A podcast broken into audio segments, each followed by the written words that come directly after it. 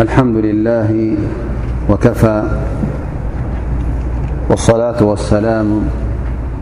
على النبي المصطفى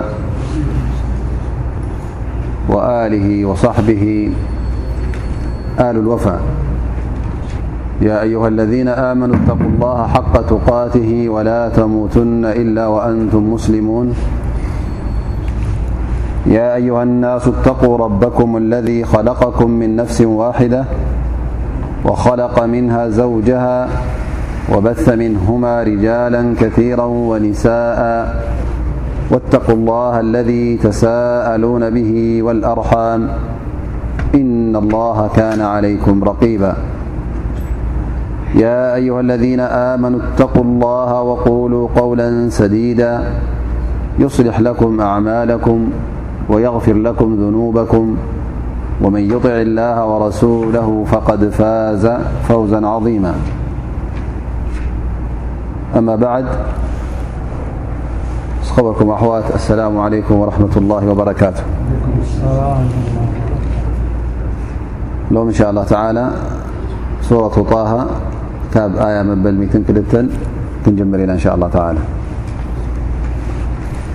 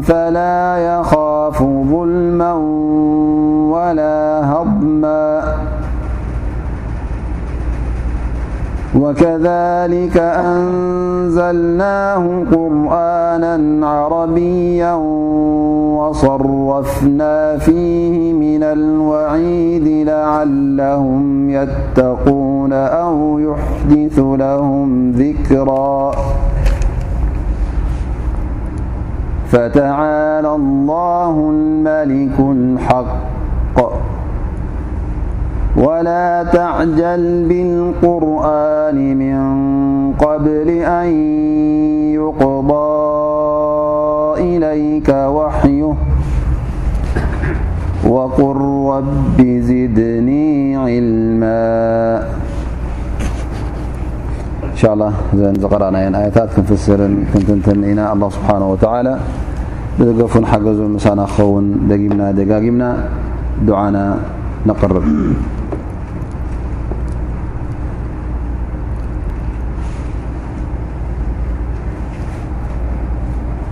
ኣላ ስብሓን ወተላ ጉዳይ ናይ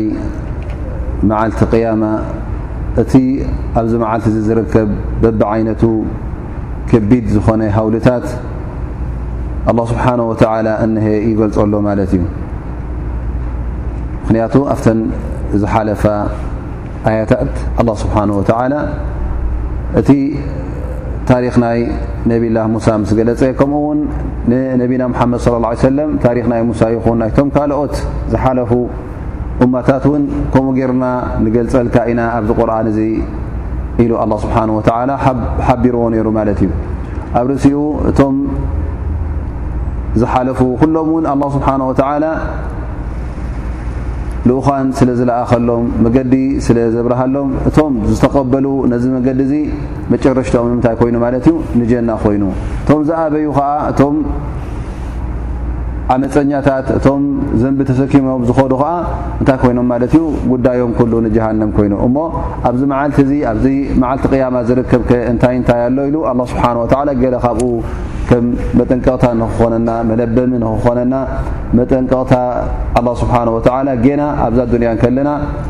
ይነግረና ኣሎ ይሕብረና ኣሎ ማለት እዩ ፈየቁል ስብሓን ወተላ የውመ ዩንፈኹ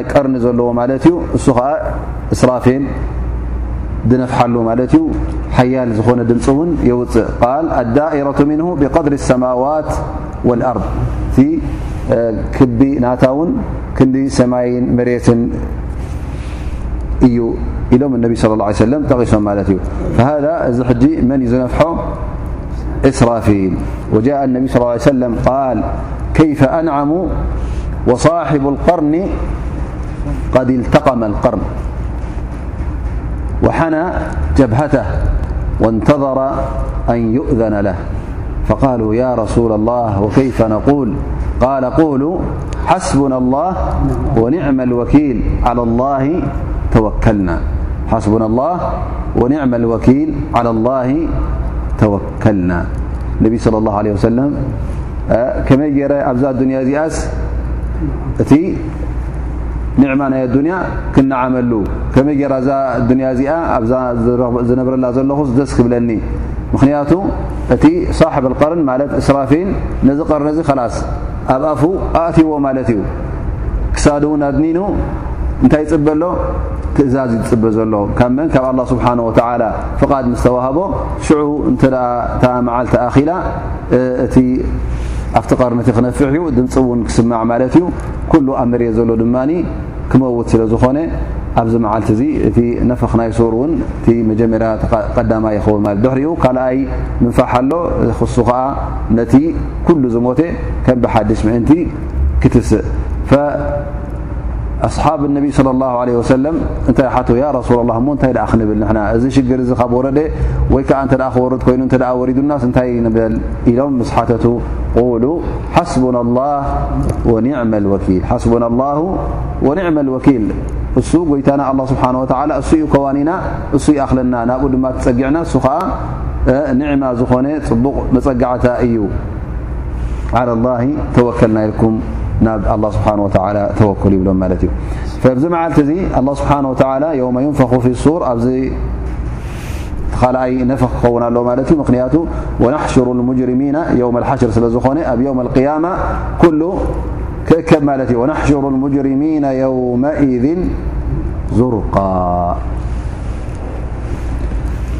እቶም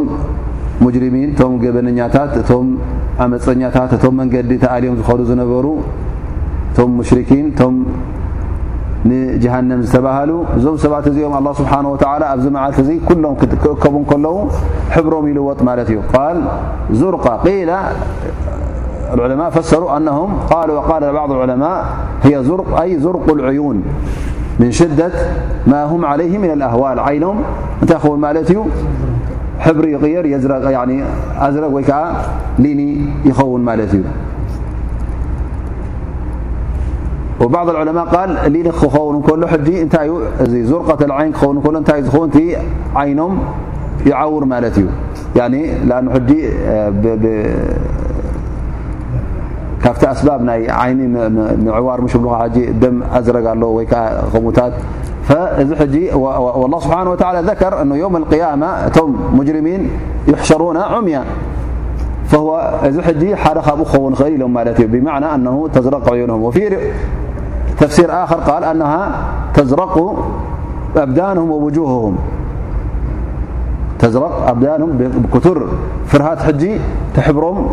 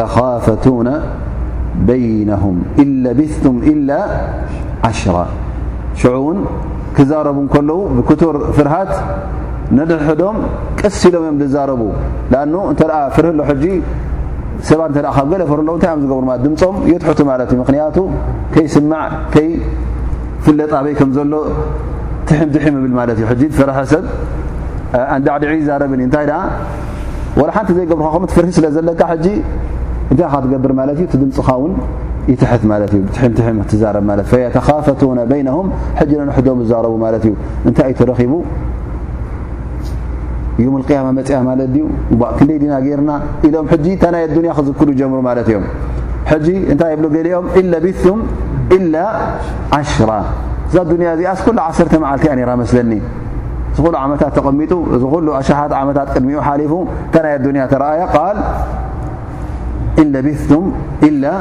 ዓሽራ ዓሰርተ መዓልቲ ዝብል ሓደ መዓልቲ ዝብል ሓሙሽተ መዓልቲ ዝብል ኣልምሆም ኩሎም ነናቶም እዛረቡ ማለት እዩ ናፈሩ ክንደይና ጌርና ኢሎም እዛረቡ ምክንያቱ እቲ ዝሓለፈ ኩሉ መቐረት ስለ ዘይብሉ ብዝያዳ ናይ ኣዱንያ ምስ ናይ ኣራ ድማ ከተቀራርቡ ከለኻ ሰማይን መሬትን ስለ ዝኾነ ቃል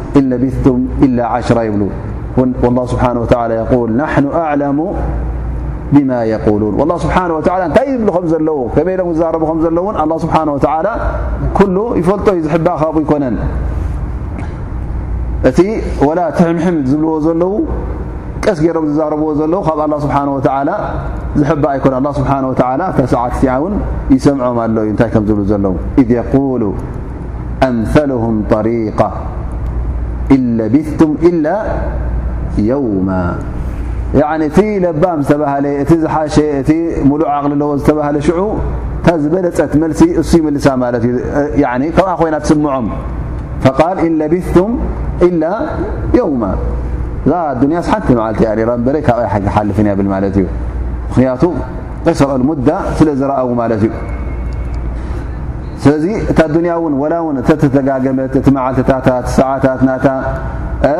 እቲ ቀትርን ለይትን እዚ ኩሉ እንተ ደኣ ርኢኻዮ ምስቲ ናይ ዮም ቅያማ ዝመፅእ ምስኡ ምስ ረኣይዎ እቲ ጉዳይ እቲ ሃውሊ ምስ ረኣይዎ እቲ ዝሓለፈ ኩሉ እንታይ ኮይኑ ዝሰሚዕዎም ማለት እዩ ከምዚ ቋሕሰም ዝሓለፈ ሓታ ሓደ ሰብ እውን እንተ ኣብለካ እዚ ዕምሪ ኩሉ ክሪኦ ከሎ ናይ ቀደም ክዝክር ከሎ እንታይ ኮይኑ ዩ ዝስምዖ ቋሕሶም ይበስቁልካ ሓሊፈ ዝሓለፈ ኩሉ ግዜ እንታይ ዝኸን ኮይኑ ዝስምዓካ ከም ዘይነበረ ስለ ዝስምዓካ ኣብ ርእሲኡ ድማ ምስቲ ናይ ኣኼራ ክትሪኦ ከለኻ ሕጂ እዞም ሰባት እዚኦም እንታይ ክብሉ ማለት እዩ ኢን ለቢስቱም ኢላ ዓሽራ ኢሎም ገሊኦም ላኪን ትዝሓሸ እንታይ ኢሉ ማለት እዩ ኢን ለቢስቱም ኢላ የውማ ፈሙደት ሓያት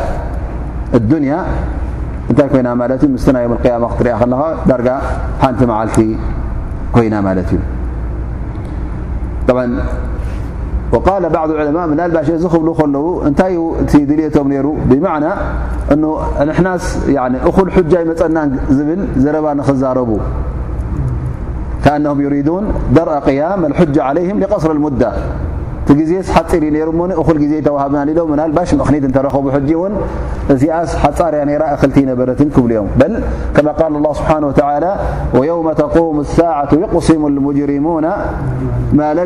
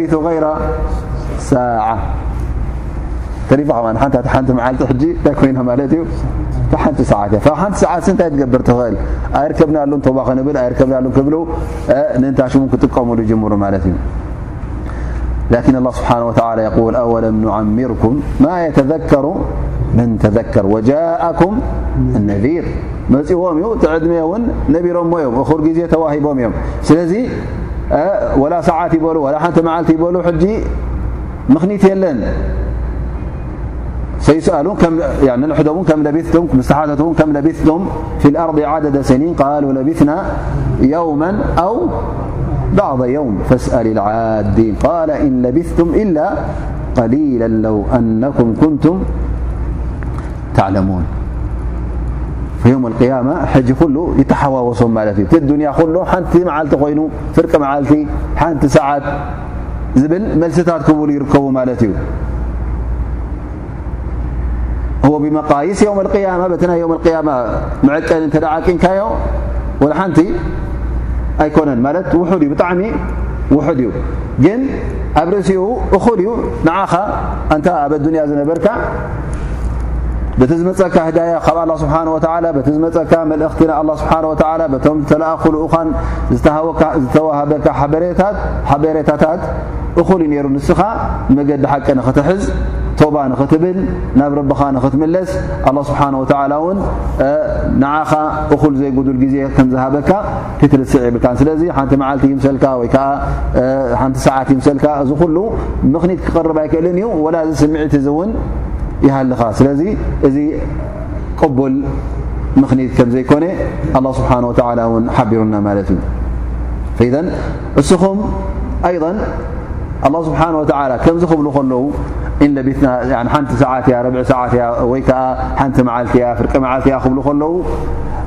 ኣብ መጨረሻ እንታይ ክኸውን እዩ እዚ ሕጂ ኣንጻሮም ክኸውን ማለት እዩ ከመይ ማለት ኣንቱም ኣብ ኣዱንያ ዝነበርኩም እዚ ዝነበርኩሞ ዕድመ ሓንቲ ሰዓት ዘይኣክል ሓንቲ መዓልቲ ዘይኣክል ካብ ኮነስ ከመይ ጌርኩም ነቲ ናይ ኣኼራ ሙሉእ ዘይጉዱል ሽሻያት ናይ መዋእል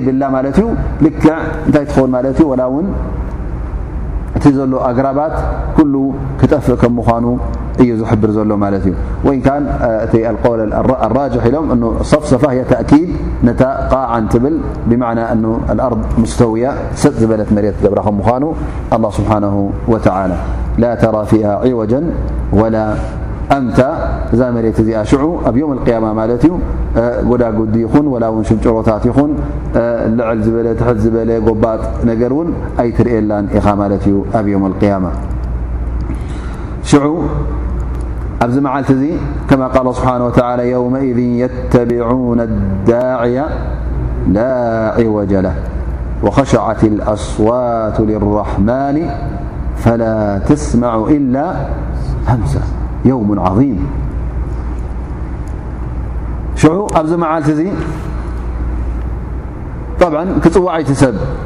እቲ ተቐቢሩ ዝነበረ ተሞይቱ ዝነበረ ኩሉ በቲ ናይ ነፍኽ ሱር ተታቱላ ምስ ተነፈሐ ኩሉ ምስ ተሰአ እንታይ ከም ተረኸበ ኩሉ ሰብ ኣይፈልጥን እንታይ እዩ ተረኺቡ ኢሉ ካብ ቀብሩ ምስ ተንሰአ ሽዑ ክፅውዑ እዮም ንዑ በዚ ሕለፉ በዚ ኪዱ ክበሃሉ እዮም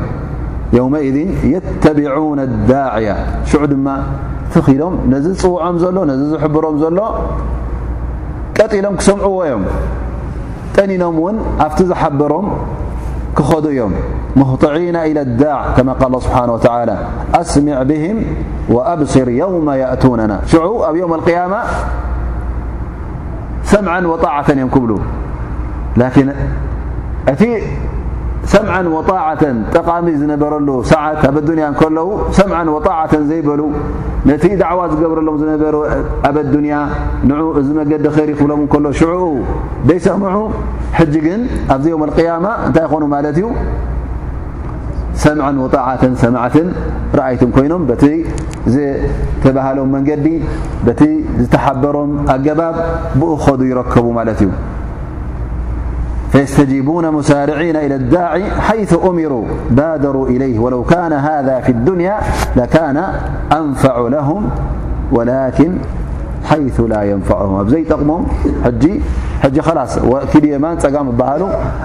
እዚ ሕጂ ኣወለ እምቢ ክብሉ ይክእሉን እዮም ኣብ ርእሲኡ እውን እቲ ወሪድዎም ዘሎ ሃውሊ ንገዛእ ርእሶም ብዓይኖም ርእዎ ስለ ዘለዉ ሕጂ ወላ እምቢ ተበሎ እውን ሓንቲ ክገብሩ ይክእሉን እዮም ኣብ ርእሲኡ እውን ሕራይ እንተበሎ እውን ንዕኦም ጠቓሚ ይኮነን ሕጂ ናበኦም ዝምርሑ ዘለዉ ናፍቲ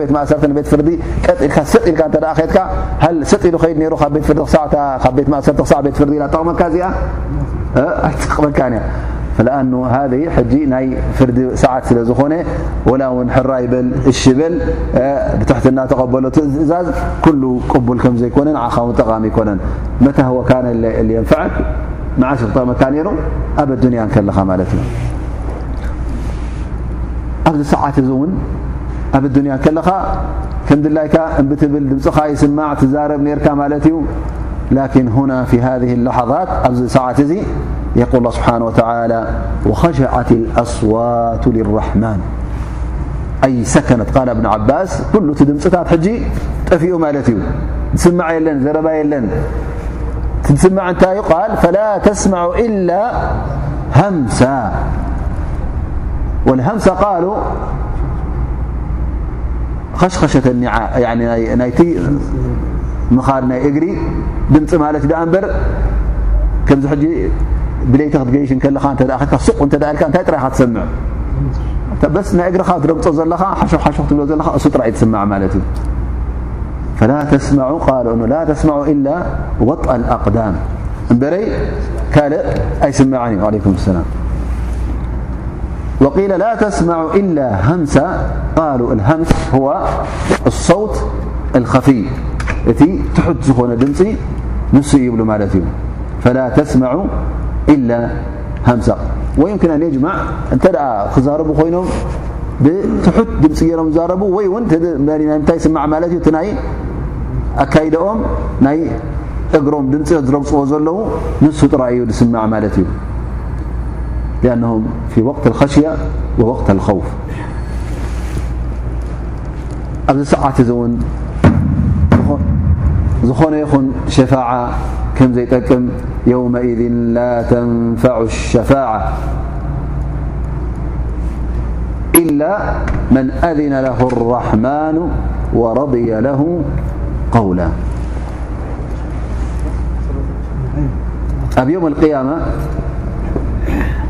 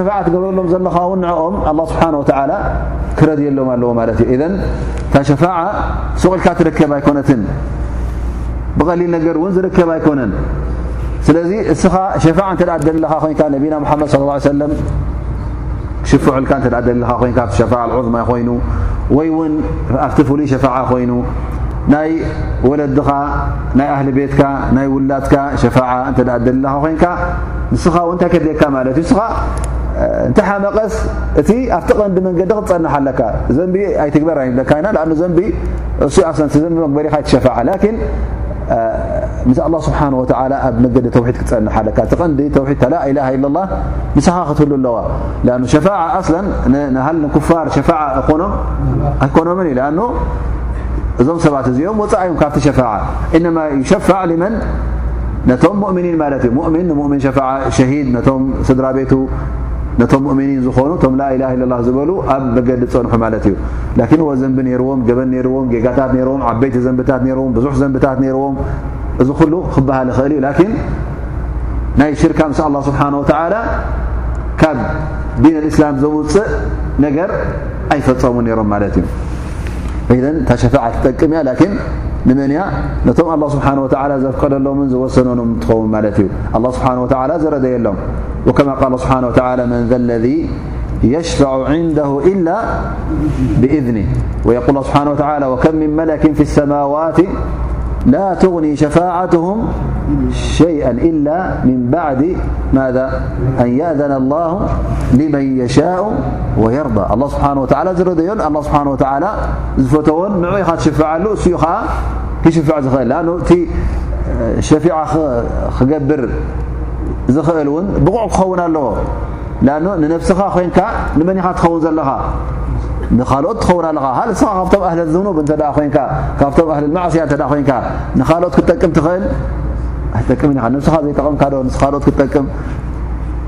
ኢዘን እቲ ሸፋዓ ዝርከብ ቶም ኣህል ጀና ኣብቶም ላዕሊ ዘለዉ ነቶም ታሕቲ ዘለዉ ብናልባሽ ካብቲ ዘለዎ ታሕቲ ላዕሊ የመሓላልፍዎም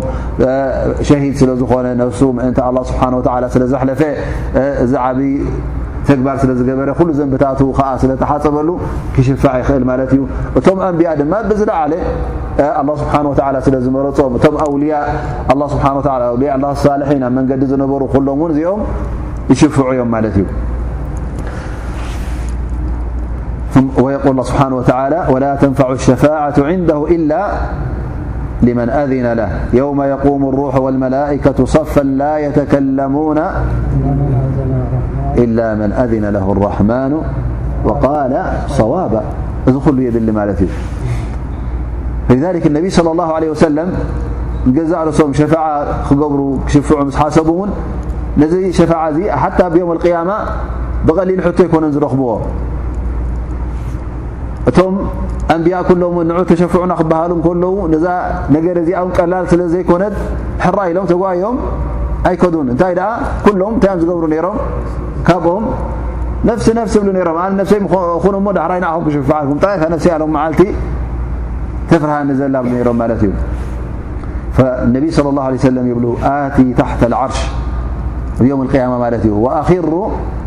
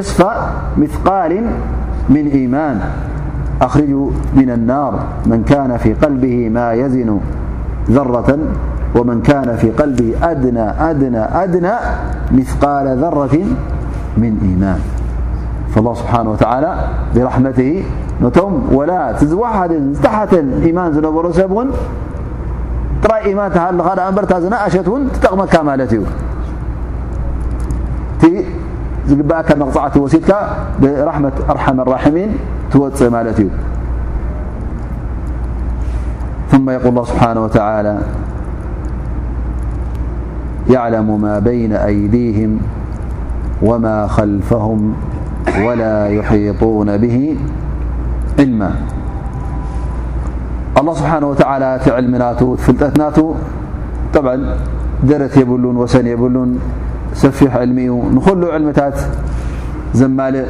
ንኩሉ ዕልምታት ዘጠቓልል ይኸውን ማለት እዩ ፍጡራት ኩሎም ዝፈልጥዎ ኣብ ርእሶም ይኹን ኣብ ኣእምሮኦም ዘሎ ትምህርትን ዕልምን ኣላ ስብሓን ወተላ ኩሉ ይፈልጦ እዩ እንታይ ከም ዝገብሩ እንታይ ከም ዝደልዩ እንታይ ከም ዝሓሰቡ እንታይ ክእለት ኣለዎም ከመይ ይካየዱ እንታይ ይገብሩ እዚ ኩሉ ኣላ ስብሓን ወተላ ይፈልጦ እዩ ካብኡ ዝሕባእ ነገር የለን ወላ ይሒጡነ ላኪን ብሂ ዒልማ እቶም ፍጡራት ግን ብዛዕባ ኣላ ስብሓን ወተላ ኩሉ ነገራት ክፈልጥዎ ኣይክእሉን እዮም እነማ ኣላ ስብሓን ወተላ ፈጣሪኦም ስለ ዝኾነ ሰማይን መሬትን ዘሎ ኩሉ ፍጡር ኣላ ስብሓን ወተላ ባዕሉ ስለ ዝኸለቆ ካብኡ ዝሕባእ ነገር ወላ ንእሽተይ ነገር ወለው ካነት ምፍቃለ ዘራ የላን ማለት እዩ እማ ወዲ ሰብ ፍጡር ብዛዕባ ኣላ ስብሓን ወተላ ዝፈልጦ ነገር ኣይና እዩ ግን ኣላ ስብሓን ወተላ ዘፍልጠካ ማለት እዩ ኣይኮነ ዶ ብዛዕባ ኣላ ስብሓን ወተላ ተንቲንካ ኩሉ ነገራት ንክትፈልጥ ብዛዕባ ፍጡራት እውን ትፈልጦ እኹል ኣይኮነን እታ ነብስኻ እውን ሕጂ ብዛዕባ ነገረ ንክብለካ ከለኹ እተ ኮይነ ሕጂ ሃ ኩሉ ነገራት ናይዛ ኣካላትካ ዚ ክትፈልጦ ትኽእል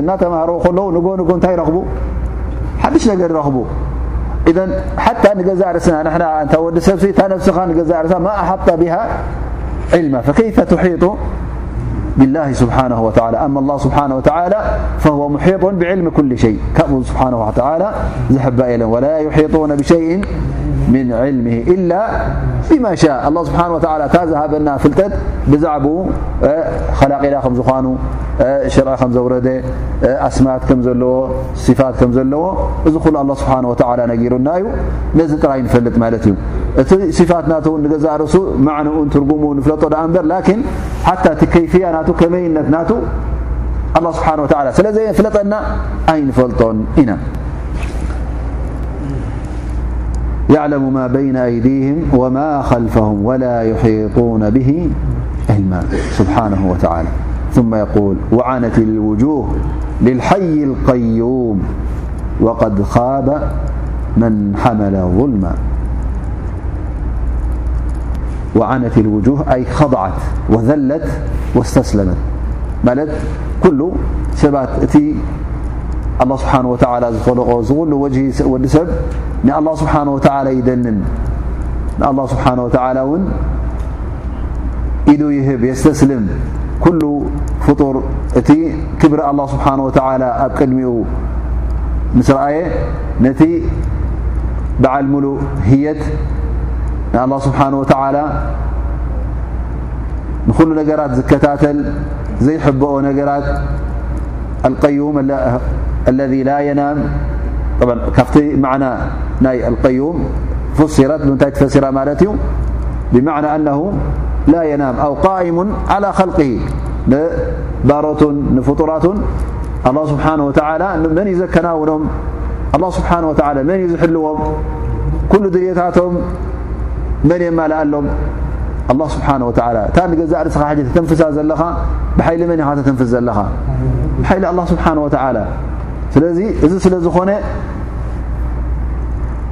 ሓለዋ ዝወሃበካ ዘሎ ብኢድ ኣላ ስብሓ ወላ እንተ ኣላ ስብሓ ወላ ነዚ ነገራት እዚ ክቆፃፀሮ ዘይክእሎ ኮይኑ እሞ ከዓ ወይ እውን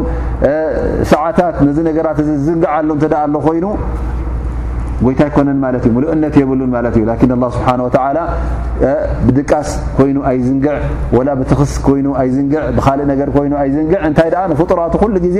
ኣላ ስብሓ ወላ ምሉእ ህየቶም ካብታ ተኸለቑላ ጀሚሩ እዛ ዓለም እዚኣ ካብ ተኸለቐትላ ክሳዕ ዮም ኣልቅያማ ኣላ ስብሓን ወተዓላ ብሓለዋናቱ ከም ዝካየዱ ገብሮም ኣሎ ኩሉ ድልታቶም እውን የማልኣሎም ኣሎ ማለት እዩ ላ ስብሓን ወተላ ወ ቀይሙ ዓላ ኩል ሸይ ዩደቢሩ ወየሕፈظ ስለዚ ነፍሱ ሙሉእ ስለ ዝኾነ ኣላ ስብሓን ወተዓላ ንዓና ይሕልወና ማለት እዩ ጉድለት ነይሩ ተዝኸውን ንዓና እውን ከምዚ ገይሩ ክሕልወና ይምኸኣለን ነይሩ ማለት እዩ ወቀድ ኻበ መን ሓመለ ظልማ ዮም ቅያማ ዝመፅእ ሰብ ክመፅእ እንተ ኮይኑ እንተ ዓመፅ ተሰኪሙ መፅኡ ኣብ ዮም ቅያማ እንታይ ክኸውን ማለት እዩ እዙ ሰየኩኑ ኻኢበን ካብ ኩሉ ክተርፍ እዩ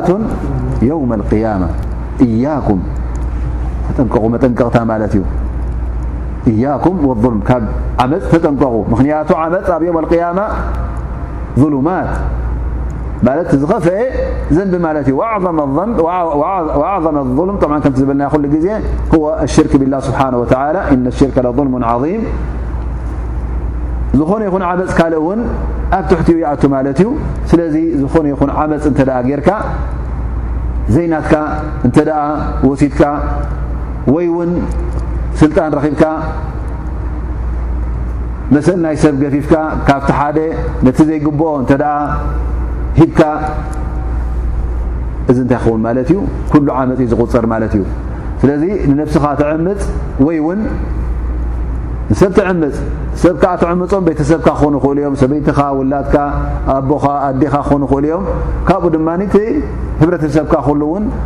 ክትዕምፅ ትኽእል ኢኻ እዚ ኩሉ ሕጂ ዓመፅ ዝርከበሉ ቦታታት ስለ ዝኾነ ካብዚ ነገር እዚ ኣላ ስብሓን ወተላ የጠንቅቐና ኣሎ ማለት እዩ ነቢና ሓመድ ስ ሰለም እውን ኣጠንቂቖምና እዮም እያኩም ወظልም ፈኢነ ظልማ ظሉማት የውም ልቅያማ ስለዚ እቲ ዓብ ጥፍኣት እቲ ኼባ ዝበሃል ኣብ የውም ልቅያማ እንታይ እዩ ቀዳማይ ነገር እቲ ዓብይ ዓመፅ ሒዝካ ክትመፅ ከለኻ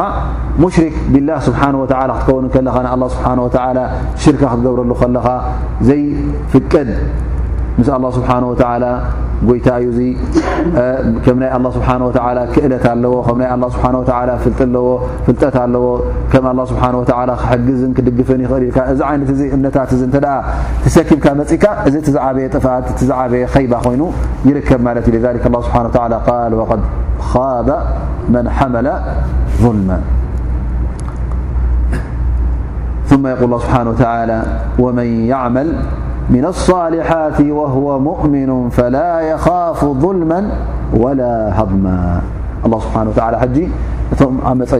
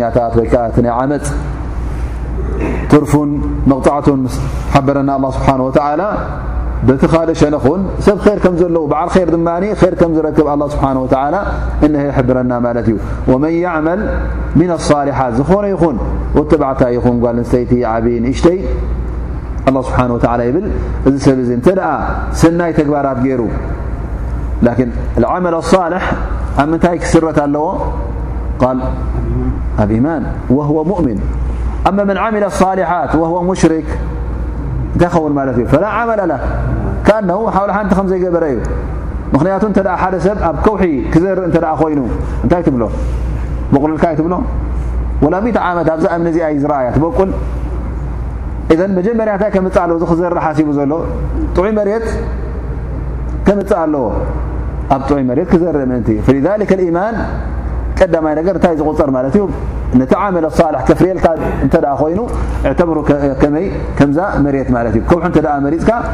ክሕደት መሪፅካ ማለት እዩ ዝገበርካ ሰናይ ተግባር ግበር ኩሉ ክበቕለልካ ኣይክእልን እዩ ማእቶት ክትረክብ ኣይትኽእልን ኢኻ ምህርቲ የብልካ ኣማ እንተ ደኣ ጥዑይ መሬት ሱስ መሬት ማይ ዘለዎ ዝረኣሉ መሬት እተ ኮይኑ ሽዑ ከም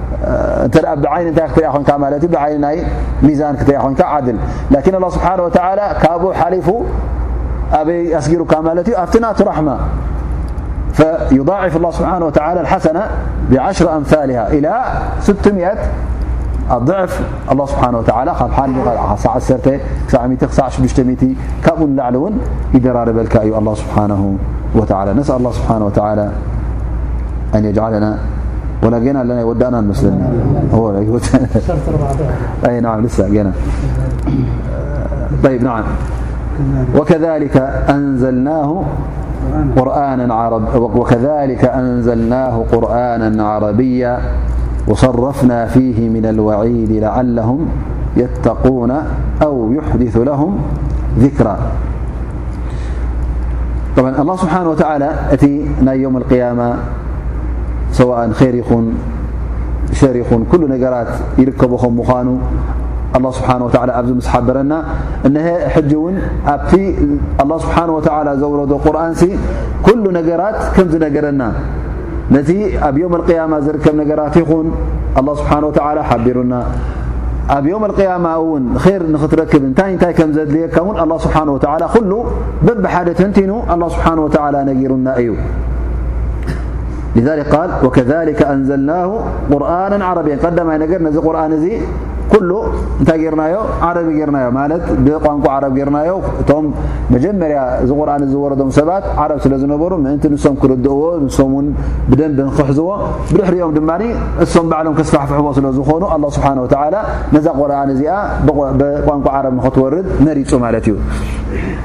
እዚ ቋንቋ እዚ እውን ጠቓሚ ከም ምዃኑ ኣላ ስብሓን ዋላ ስለ ዝፈለጠ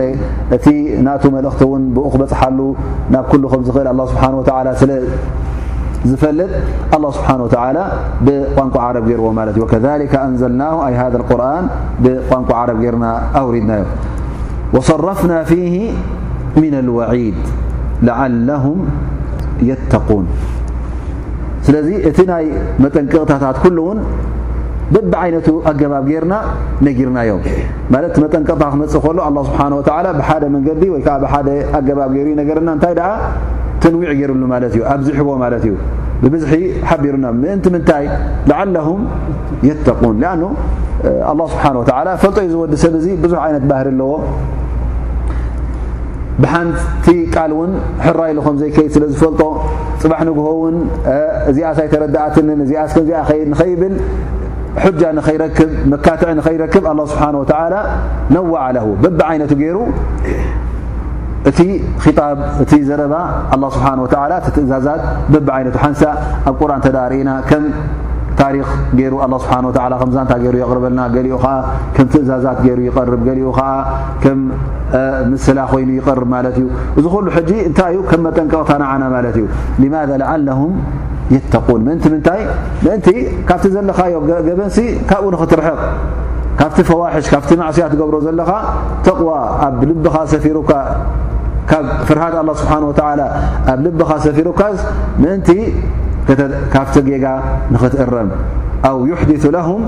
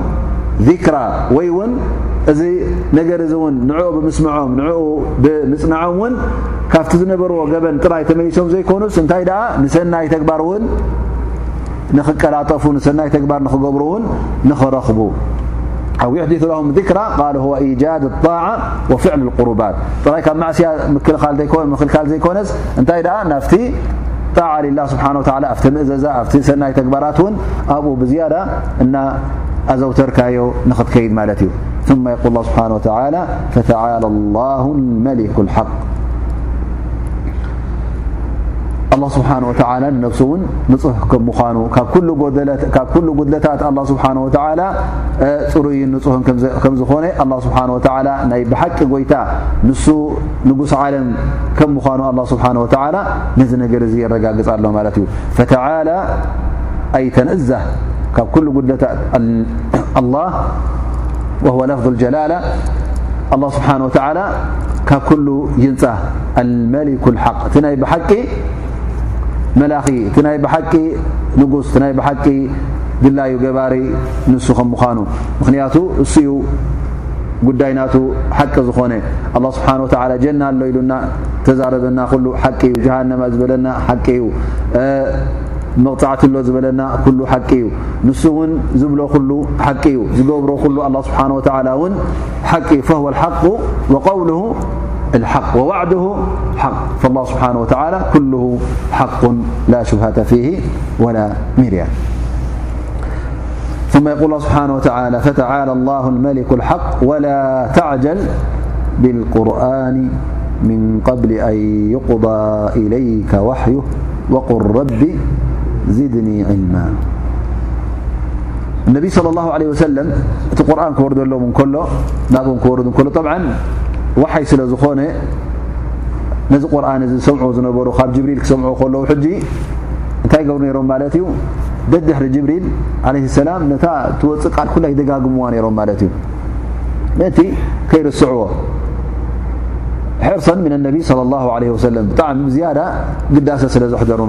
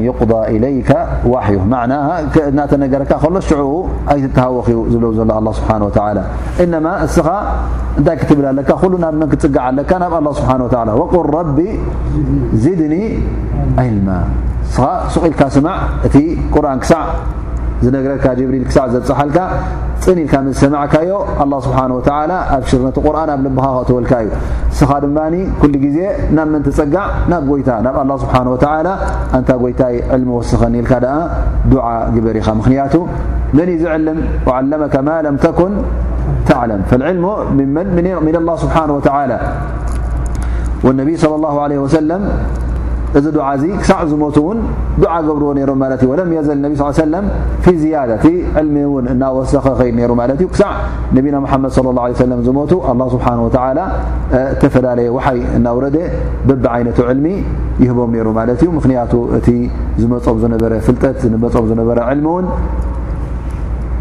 ኣብ ኣዱንያ ወይ ከዓ ካብ ሰብ ዝርከብ ባዕልኻን ብክእለትካን ብተመክሮኻን ብምርመራታት ብምግባርካ ብይ ኮንካን ተምፅኦ ተመራሚርካ ይኮንካን ዝብፃሕ ናይ ውሓይ ነገር እነማ ካብ መን እዩ ዝመፅእ ካብ ኣላ ስብሓን ወተላ እዩ ዝመፅእ ብቀንዱ ማለት እዩ ስለዚ ዝኾነ ይኹን ሰብን ኣላ ስብሓን ወተላ ዕልሚ ክህቦ ነዚ ዱዓ እዚ ክገብር ኣለዎ ኣላሁማ ዚድኒ ዕልመ እናበለ ላኣን ዕልመ ናፍ ኩሉ ግዜ ጠቓሚኻ እዩ ኣብ ኣዱንያ ይኹን ኣብ ኣኼራ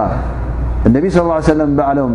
በቲ ኣላ ስብሓን ወተዓላ ዝመፆም ትእዛዝ ወቁል ረቢ ዚድኒ ዕልማ ዝብል እዚ ኻብ ተኣዘዙ ተመሪፆም እንከለዉ ነዚ ዱዓ እዚ ንኸዘውትሩ ኣላ ስብሓን ወተዓላ ካብ ኣዘዞም ፈሚንባቢ ኣውላ ብዝያዳ ንሕና እውን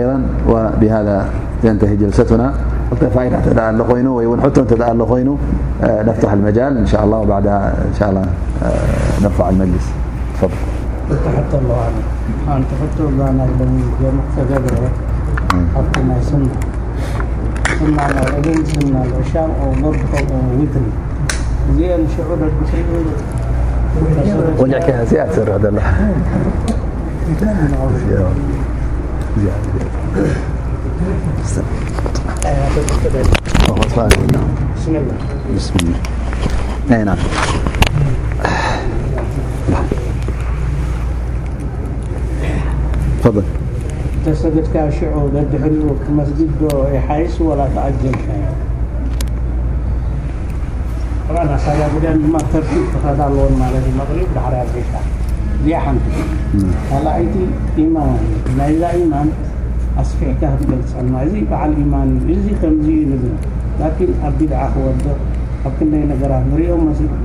በዓል ኢማን ዝበሃል እዚ ከመይ እውን እንታይ ክኸውን ዘለዎ ሰብ ባረከ ላ ተቀዳመይቲ ነጥብ ዓላ ኩሉ ሓል ብዛዕባ ናይ ሱና ራቲባ ወይ ከዓ ብድሕሪ ጀምዕ ክትሰግድ ከለኻ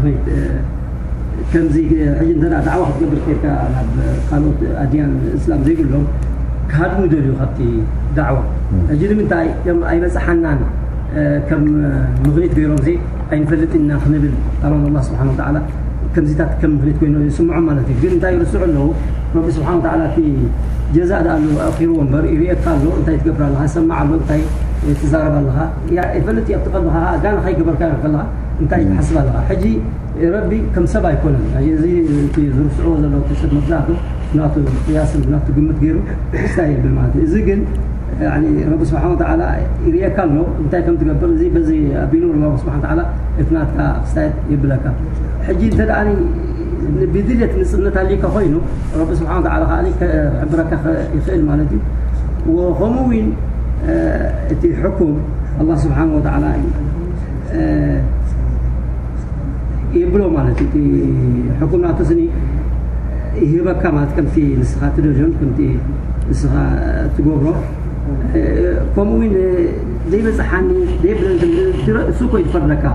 በፂሕካ ናይ በፅሓካ ስኒ ክወያዓ ኮይኑ ክበካ እዩ ሕጂ ፈራዲ ስለዝኾነ እሱ ስለዝኾነ ኣይትፍራሕ